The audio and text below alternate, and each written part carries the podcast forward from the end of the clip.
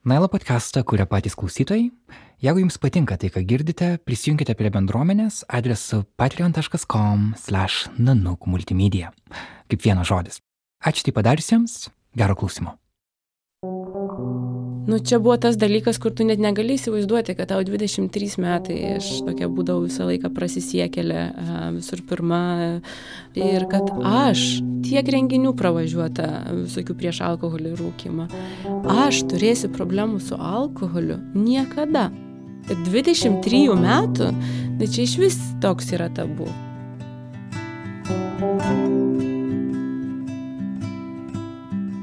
Pagal suvartojamo alkoholio kiekį vienam gyventojui Lietuva pirmauja pasaulyje. Statistikos, kiek gyventojų Lietuvoje priklausomi nuo alkoholio nėra, bet mūsų šiandienos pašnekovė, pavadinkime ją Agne, buvo viena jų. Agnė yra viena iš 3000 žmonių Lietuvoje ir 2 milijonų žmonių pasaulyje priklausančių anoniminių alkoholikų bendruomeniai. Ji yra perėjusi 12 žingsnių programą ir padeda tai daryti kitiems. Tai, kad aš šiai dienai esu blaivi, tai nereiškia, kad taip ir išliks. Mes programui sakom, kad yra vienos dienos darbas ir aš nežinau, kas bus ateityje. Bet žmonės... tu esi blaivi jau kiek metų? Dešimt metų. Ir tu vis tiek žiūri tai tik kaip į vienos dienos taip, procesą. Taip. Tai yra darbas. Man blaivybė yra pats sunkiausias darbas, kokį aš esu bet kada dirbus. Šiame epizode išgirsite, kaip žmogus tampa priklausomas ir kaip vėl gali atsimti save. Su jumis Karolis Višniauskas ir Martino Šulskutė. Jūs klausotės Nailo podcast'o. Vietos, kur kas savaitę bandome suprasti modernų pasaulį. Nailo podcast'ą kuria žurnalistų kolektyvas Nanuk. Agnė užaugo viename iš Lietuvos miestų, ji buvo puikia moksleivė, bet nuolat iš savęs norėjo daugiau. Man 11-12 metų jau buvo toks kažkoks nepritapimo jausmas, bet iš, iš išorės niekas negalėtų pasakyti, nes aš buvau visą laiką visų vakarėlių organizatorė, e, visokių konkursų dalyvatorė ir iniciatorė ir visokie kokie, ta prasme, aš buvau aktyvi, aš buvau gera moksleivė. Bet tas toks nepritapimo jausmas buvo, kad aš ir kiti žmonės iš esmės pirmą kartą pavartojau alkoholį, e, man atrodo, 14 ar 15 metų ir nuo pat pirmo karto aš prisigėriau, ta prasme, blackout.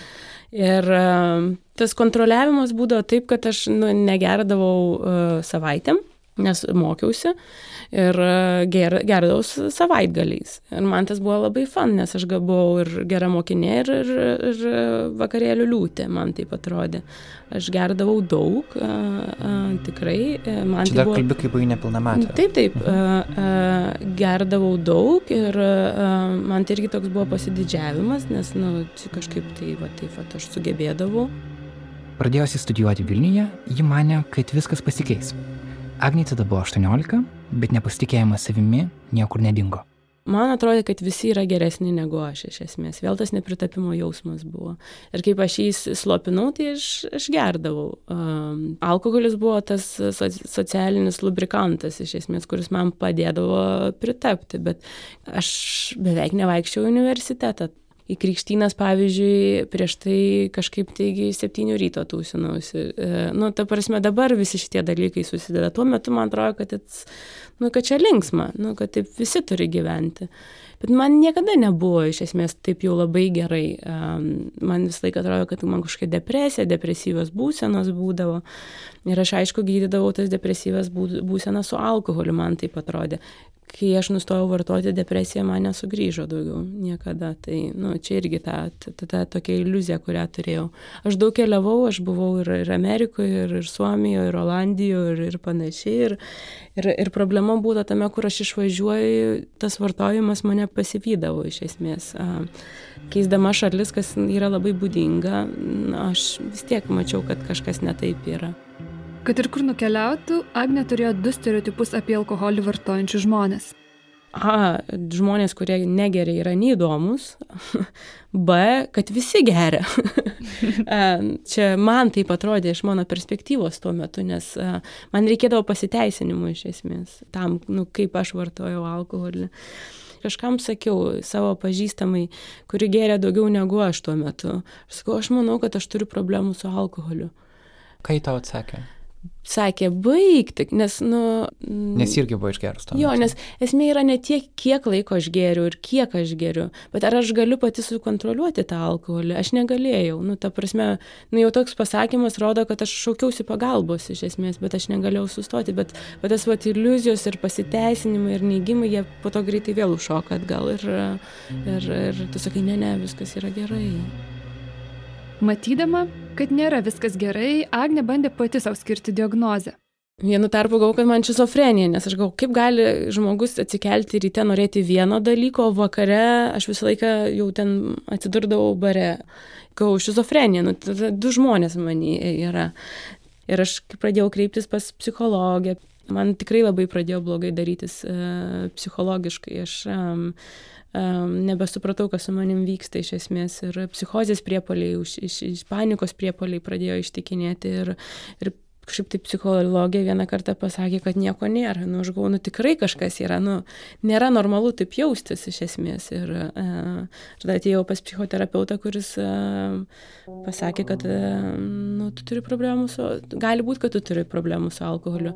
Nes kas yra svarbu, kad aš pati nusprendžiu, ar aš turiu problemų su alkoholiu. Niekas kitas negali pasakyti, kad aš turiu problemų su alkoholiu. Psichoterapeutas Agniai papasakojo apie anoniminių alkoholikų bendruomenę. Ji ryžosi pabandyti.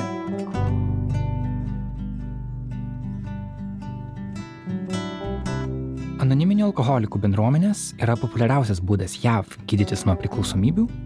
Šiuo metu pasaulyje yra apie 2 milijonai žmonių, kurie šiai bendruomeniai priklauso. Susikūrė ir artimos bendruomenės kaip anoniminių narkomanų, anoniminių lošėjų ar Al-Anon bendruomenė sujungusi priklausomybę turinčių žmonių šeimos narius ir draugus. Visas jis jungia tas pats principas, kad buvę priklausomi žmonės padeda tiems, kurie dabar yra priklausomi. Galutinis tikslas yra visiškai atsisakyti alkoholio ar narkotikų visam gyvenimui. Martina, perskaitykim klausytojams 12 žingsnių programą.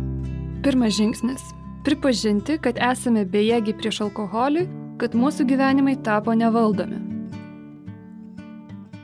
Tai pirmam žingsnį, vad ką ir aš ir sakiau, man labai svarbu suprasti, kad aš prie savo tokį mąstymą ir tą alergiją ir, ir tą savo būsenas esu bejėgiai iš esmės. Nu, kad, nu, aš tikrai viską išbandžiau, netgi blaivybei, kad aš pasijaučiau geriau. Ir karjera, ir, ir, ir, ir santykiai, ir kelionės, ir gyvenimas kitose šalyse. Ir, uh, nu viską, žodžiu, daug klaidų pridariau, žodžiu. Ir, ir vad, kol aš atėjau iš tikrųjų suprasti, nu, kad nu, neturiu aš daugiau atsakymų. Nu, tikrai viską pabandžiau, nu neturiu atsakymų. Ne.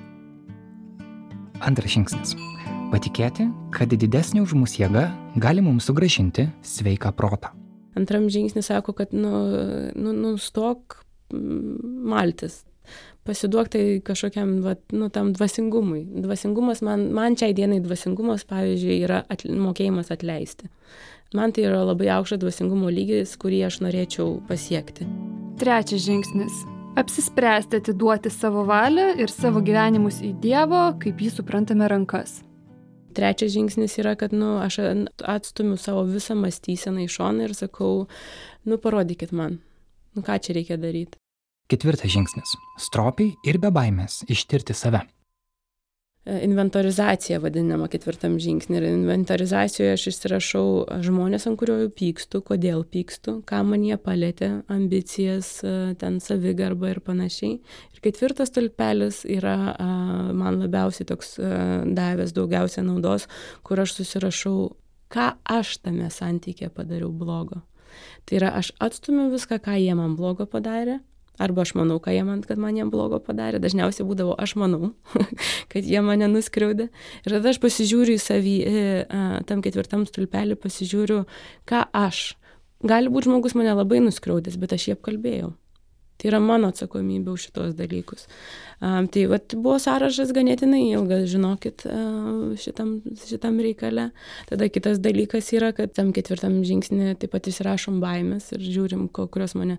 Aš turėjau, išsirašiau šimtą baimių. Tai vadinasi, aš uh, uh, bijau sėkmės ir bijau, kad man nesiseks. Ta prasme, mane nuolatos valdo baimė. Į vieną arba į kitą pusę tempia. Ta prasme, nėra tos a, balanso, sakykime, ne, kad, nu, a, tada ketvirtas buvo, aš įsinagrinėjau savo seksualinius santykius, savo santykius su vyrais e, ir, ir panašiai, kur aš buvau neteisė irgi pa, pasižiūriu, ne, ir tada susidarau kažkokį seksualinio to idealą, tai yra kaip aš noriu, kad tie ateities santykiai būtų, nes visi žinom, kad didžiausia žmonių problemos yra santykiai.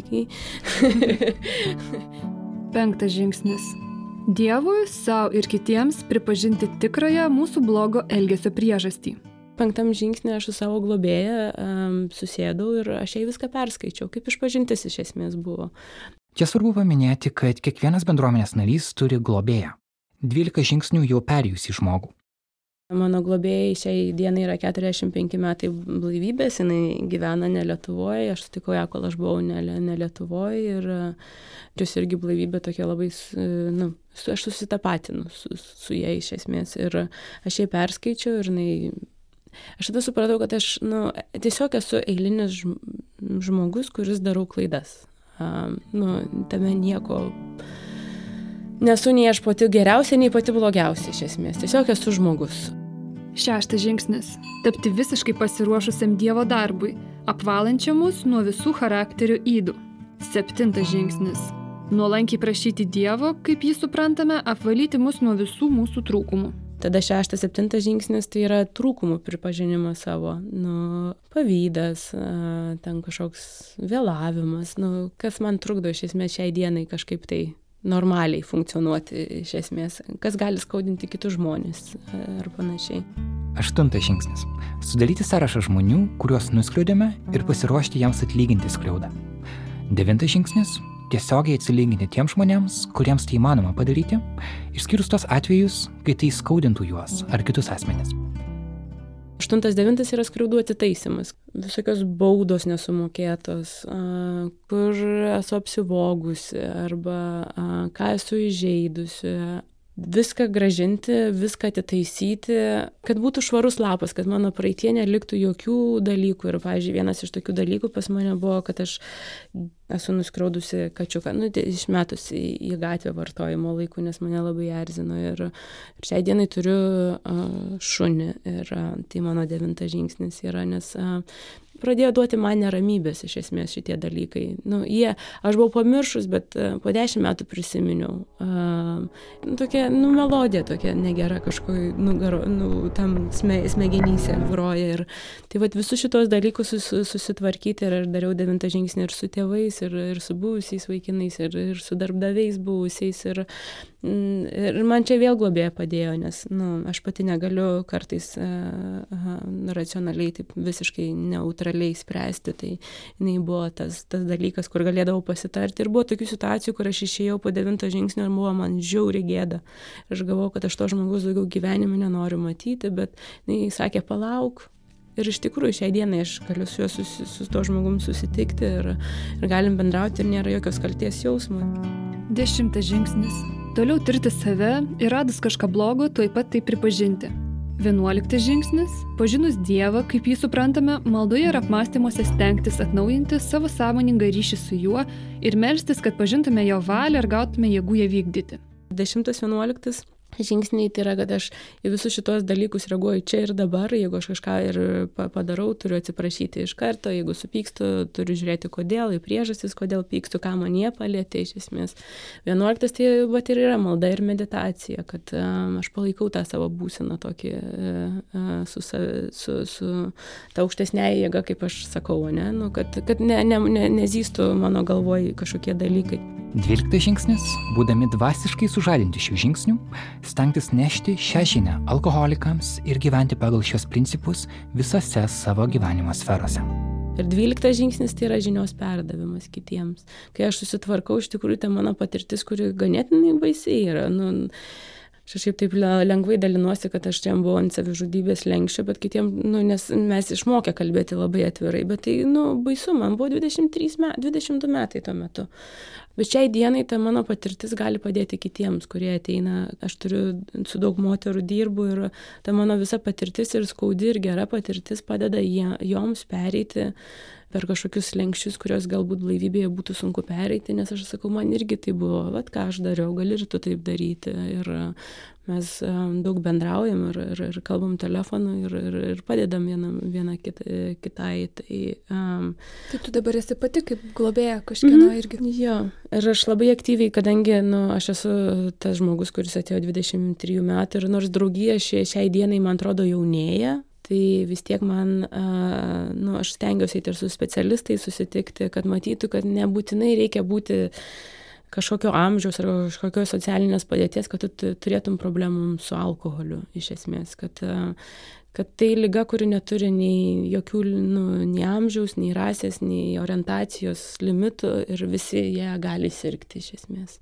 Ir galiausiai galų gale man buvo nu, svarbu, kad žmonės žinotų, kad yra išeitis. Nu, ir kad daug tokių žmonių yra. Jie neslėpti, bet garsiai nesiviešina.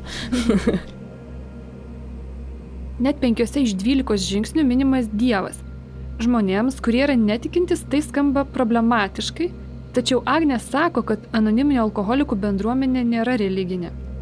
Pavyzdžiui, jai Dievas buvo upė. 12 žingsnių programa yra dvasinė programa. Tai nėra psichoterapeutinė programa. Aš taip tikrai labai norėjau daug metų, kad tai būtų, va, aš save įsinalizuoju, pažįstu ir sudie, sudie daugiau nepasirodau. Nes aš susitvarkysiu pati, man taip nebuvo. Tai nėra religinė programa, nes aš turiu draugų ir budistų, ir, ir žydų, ir krikščionių, ir e, musulmonų. Tai nėra religinė programa jokių būdų. Ir 12 žingsnių yra parašyta Dievas, aukštesnioji jėga, kaip aš ją suprantu toks pasakymas yra anoniminis alkoholikas. Jeigu mano protas jau atvedė iki čia, iki anoniminius alkoholikus, tai tikriausiai vargu, ar jisai e, suras kokį nors geresnį sprendimą, kaip, kaip susitvarkyti. Tai tiesiog manęs prašo atidėti šankstinės nuostatas į šoną ir visgi leisti pasižiūrėti, kas yra su manim, nu, ne taip galbūt, arba kur aš esu neteisi iš esmės. Ir um, ta aukštesnioji jėga, dėl to jinai ir yra. E, E, įvardina kaip aukštesnioji jėga, kad kažkas, bet ne aš. tai gali būti grupė, tai yra, gali būti žmonės su daugiau blaivybės e, patirties. Man iš pat pradžių tai buvo upė, nes aš ten būdavau, naidavau prie upės, atsisėsdavau ir nusiramindavau iš esmės. Kažkas, kažkas, kažkas, kas ne aš iš esmės, va taip. Va.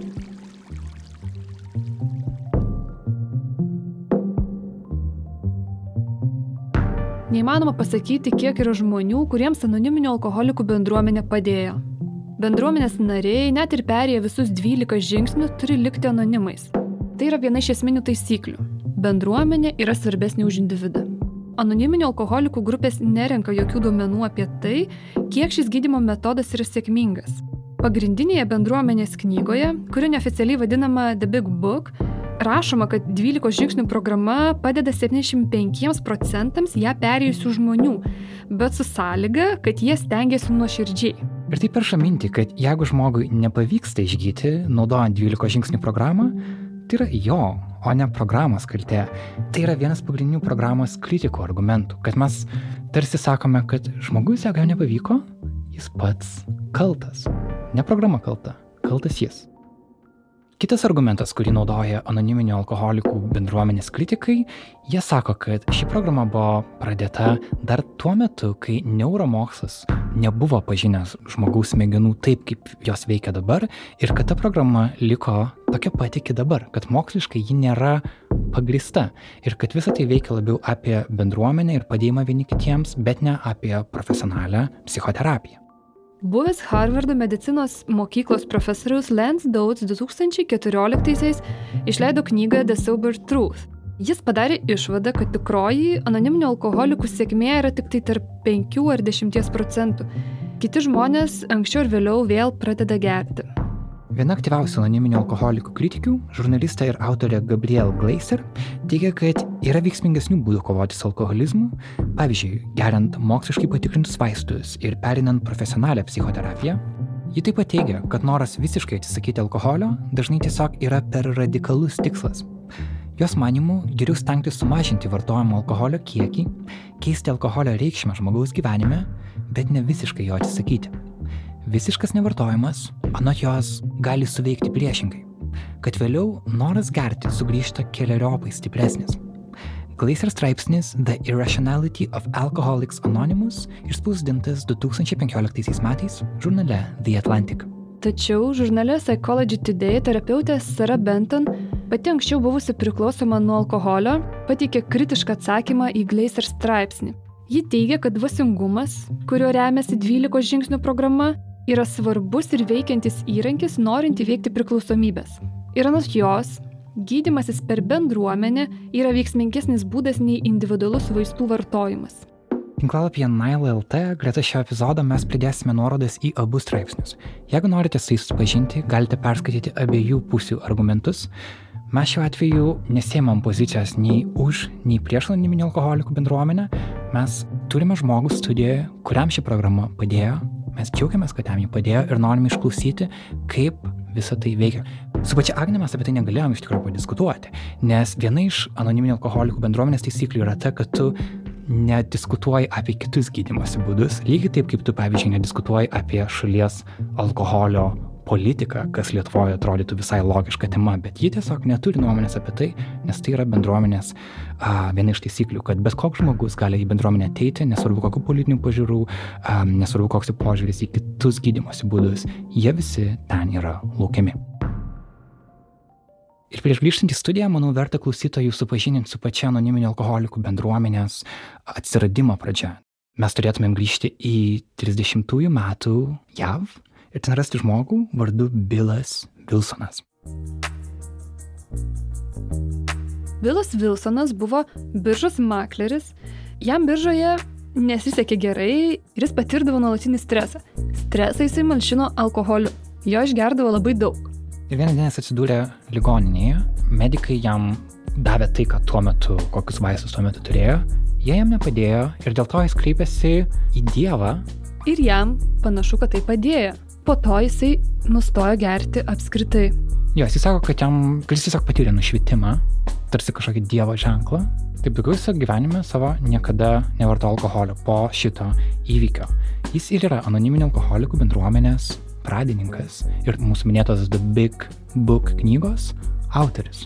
Bendruomenė nuo tada iki dabar sėkmingai egzistuoja, traukdama labai įvairius žmonės ir pasireikšdama labai įvairiais veidais taisyklės, kurios buvo skurtos tada jos praktiškai iki dabar yra lygiai tokios ir galbūt dėl to šitą bendruomenę taip ilgai ir laikosi ir įtraukia naujus žmonės. Mm -hmm. Bet žinai, čia vienas yra momentas, kuris man atrodo specifinis galbūt Junktinės Amerikos valstijoms, tai yra tas, tas dalykas, kad žmonės susėda į ratą ir išsikalba vienas kitam, nebijo pripažinti savo silpnumo.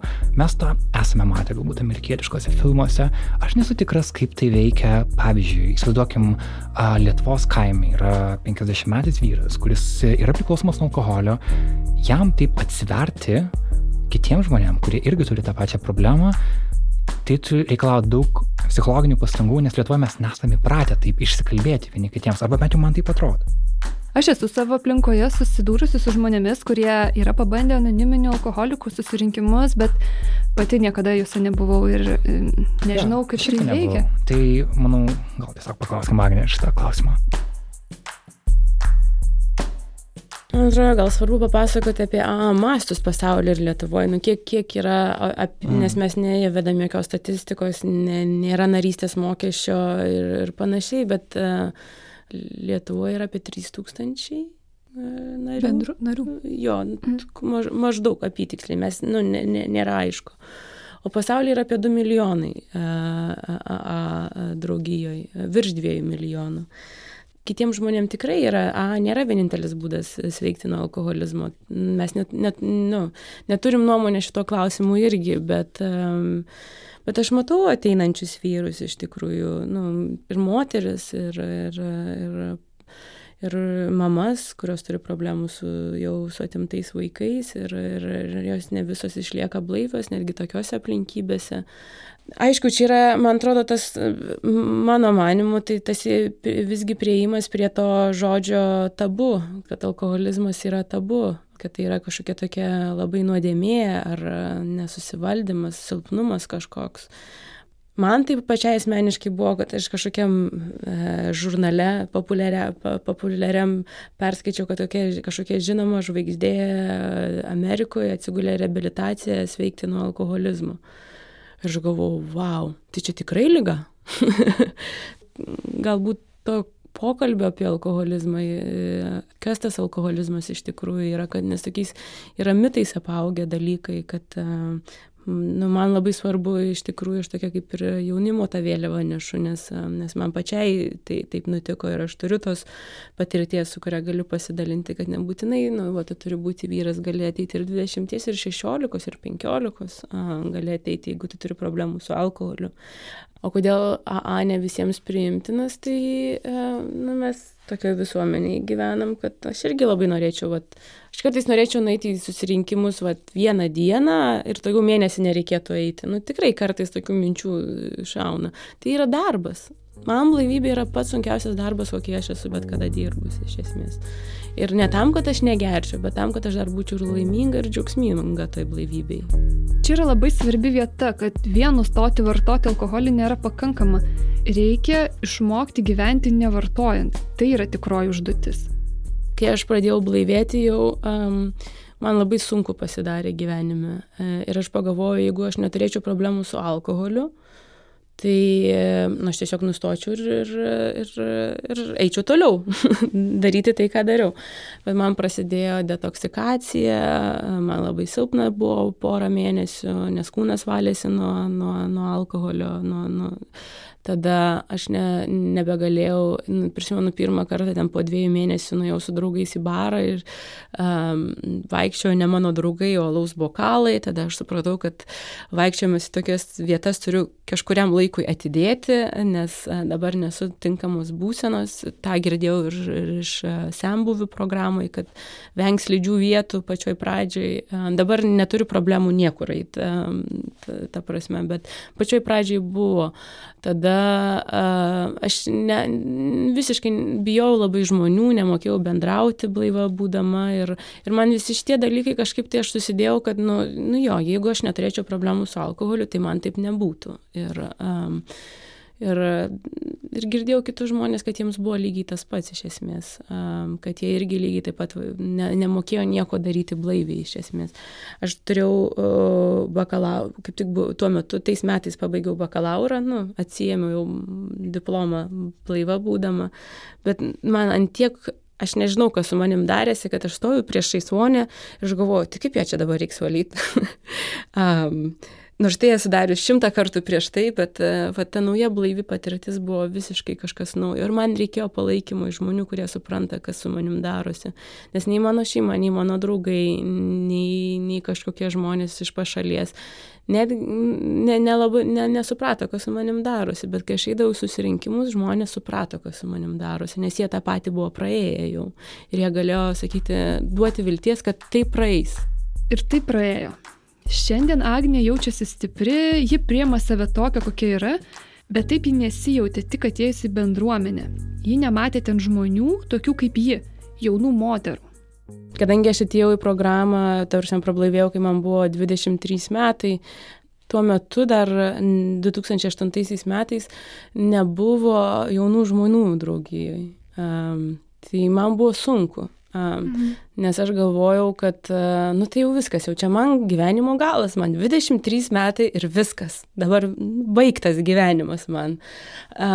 Bet aš būdama 25, po dviejų, dviejų metų blaivybės išvažiavau į Europos jaunimo suvažiavimą ir aš ten mačiau tiesiog tą dvasę aš ten pirmą kartą šokau blaiva, pirmą kartą kažkaip viešai kalbėjau ir uh, tai buvo tie patys žmonės, kurie klausėsi tokios pat muzikos, uh, jie dar irgi gyvenime nebuvo visko susikūrę ir praradę. Mm. Leisk iššokti šitoje vietoje, tai Lietuvoje uh, AA bendruomenė yra vyresnių žmonių bendruomenė, kad tu būdama 23 jautėsi jauniausia ten. Taip, AA visgi veikia taip, kad nu, tu turi pajausti savo dugną, kad nu, kažkas su tavim, man tai buvo, kad aš, nu kažkas su manim buvo blogai, kad aš jau buvau ant savižudybės ribos lenkščio, aš nebegalėjau gyventi to tokio gyvenimo. Uh, kažko keisti, aš jau nebežinau, ką keisti. Aš piršto, kad tai yra problema su alkoholiu, pati uždėti negalėjau, nes aš galvojau, kad tuo metu alkoholis man padėjo uh, doroti su depresija. Bet aš pradėjau ieškoti pagalbos pas specialistus ir patekau pas psichoterapeutą, kuris žinojo apie AA. Ir jis mane nukreipė.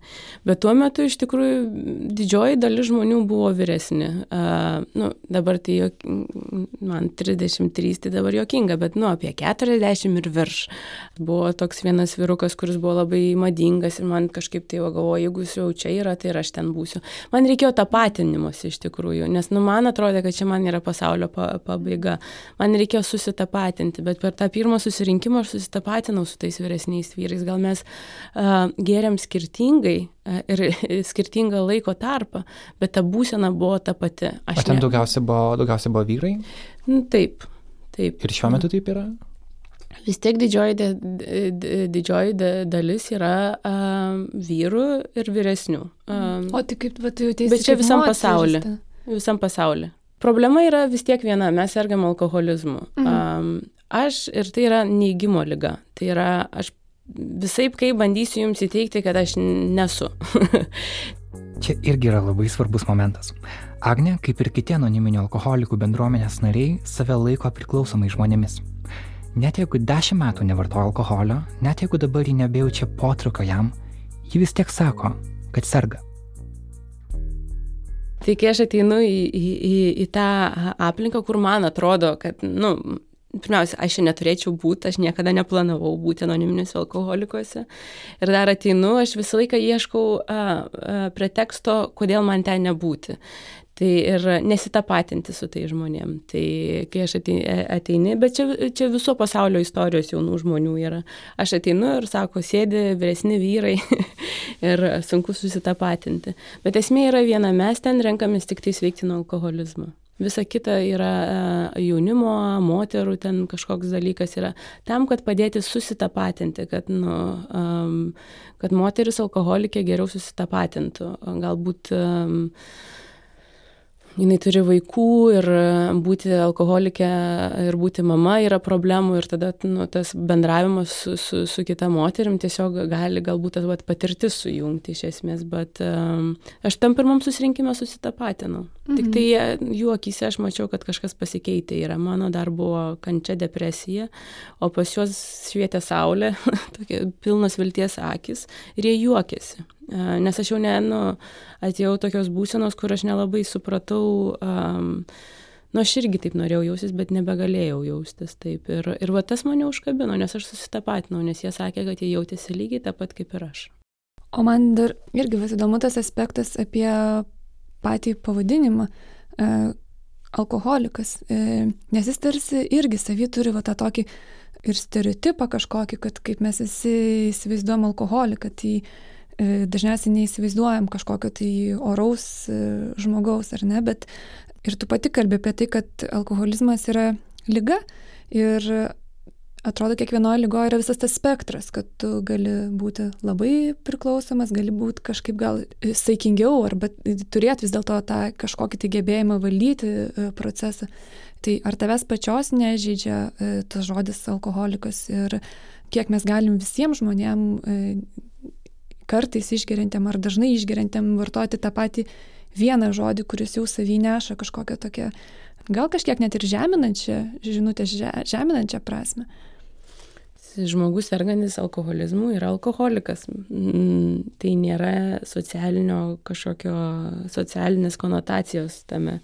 Bet visam pasauliu, visam pasauliu tikrai e, yra du žodžiai, kur e, nesvarbu kokia kalba e, yra socialinis kažkoks prilipintas dalykas, tai yra alkoholikas ir nuolankumas.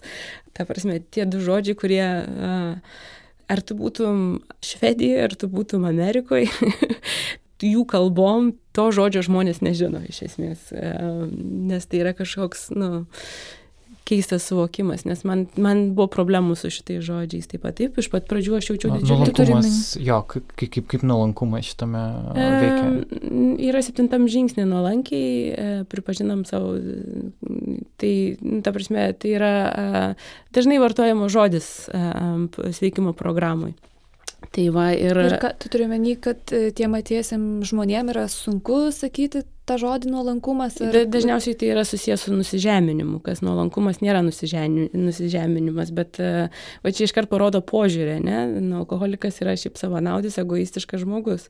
Ir e, žodis nuolankumas neina su manim. Tvaršiau, man tikrai labai ilgai reikėjo šitą žodį auginti, jaukintis, auginti, suprasti, ką iš tikrųjų reiškia ir, ir, ir panašiai. Aš esu buvus 15 e, šaly susirinkimuose, tai su žodžio alkoholikas, tai taip, ta prasme, beveik visiems tai asocijuojasi su, su, su žmogumi prie konteinerio. Va čia tai alkoholikas. O mergina 23 metų pabaigusi e, universitetą, nu, man tikrai buvo labai daug iššūkių iš tikrųjų.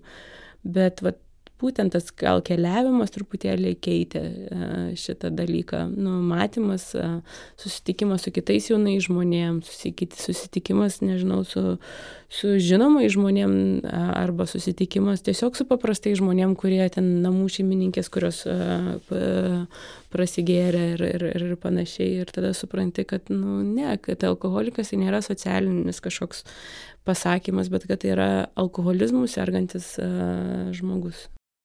Aš šiai dienai gyvenu visiškai pilnavertišką gyvenimą. Aš jaučiuosi džiugi, laiminga, patenkinta, depresija negryžta, gyvenimas eina toliau, turiu stiprybę spręsti tiek asmeninius, tiek darbo problemas, būdama blaiva. Ir, ir vad ką ir a, mūsų literatūra įrašo, kad alkoholis nėra mūsų problema. Mūsų problemos prasideda tada, kai mes nustojam vartoti alkoholį, kad mes negalim išlikti blaivus. Aš nustoju vartoti alkoholį ir iškyla visos problemos pas mane. Pyktis, susierzinimas ir tada prasideda mano problemos. Nes alkoholis man padeda atsilpalaiduoti, pritapti. Jis mano vaistas yra, bet problema yra truputėlį giliau. Uh, tai, tai va. Ir šiai dienai uh, aš nu, nebekovoju su alkoholiu. Aš einu, aš pati būnu baruose uh, ir ganėtinai dažnai. Uh, ir man tai visiškai, aš geriu, geriu ten kažkokį limonadą ar vandenį ar kavą ir žmogus geria alų, man jokio skirtumo nėra. Agnė šiandien gyvena emociškai blaivų gyvenimą, nors kiekvieną dieną kova prasideda iš naujo. O kas būtų, jeigu dabar jį paliktų anoniminio alkoholikų bendruomenę? Juk jie atrodo, jų įveikia priklausomybę. Ji pasiekia tai, dėl ko ir atėjo į grupę. Taip gali atrodyti mums. Jie atrodo kitaip. Aš manau, jeigu aš nustočiau vaikščioti į susirinkimus, būtų tik tai kažkurio laiko klausimas, kada aš vėl pradėčiau vartoti.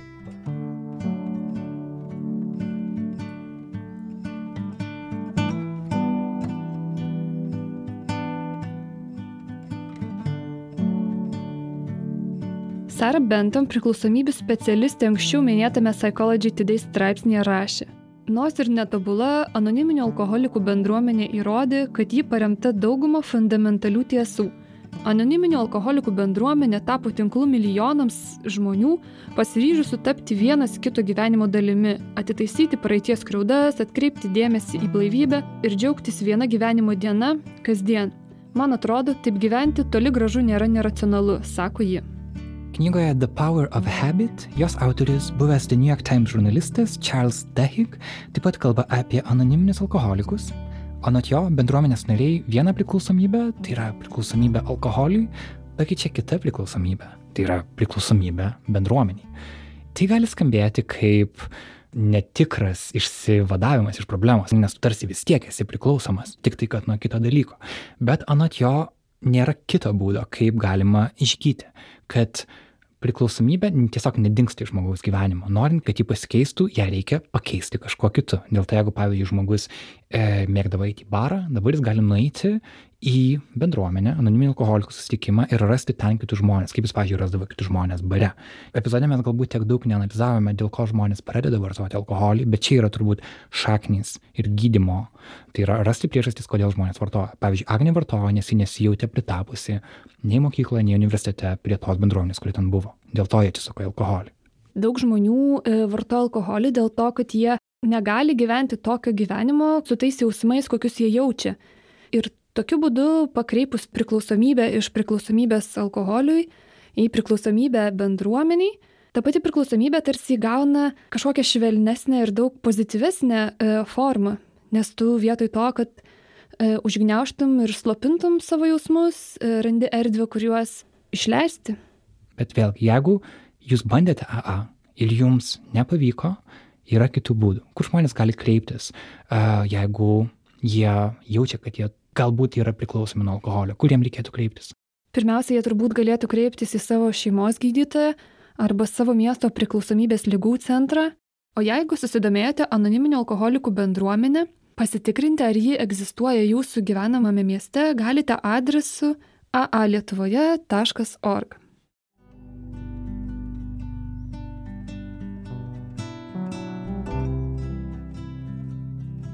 Ačiū, kad buvote kartu.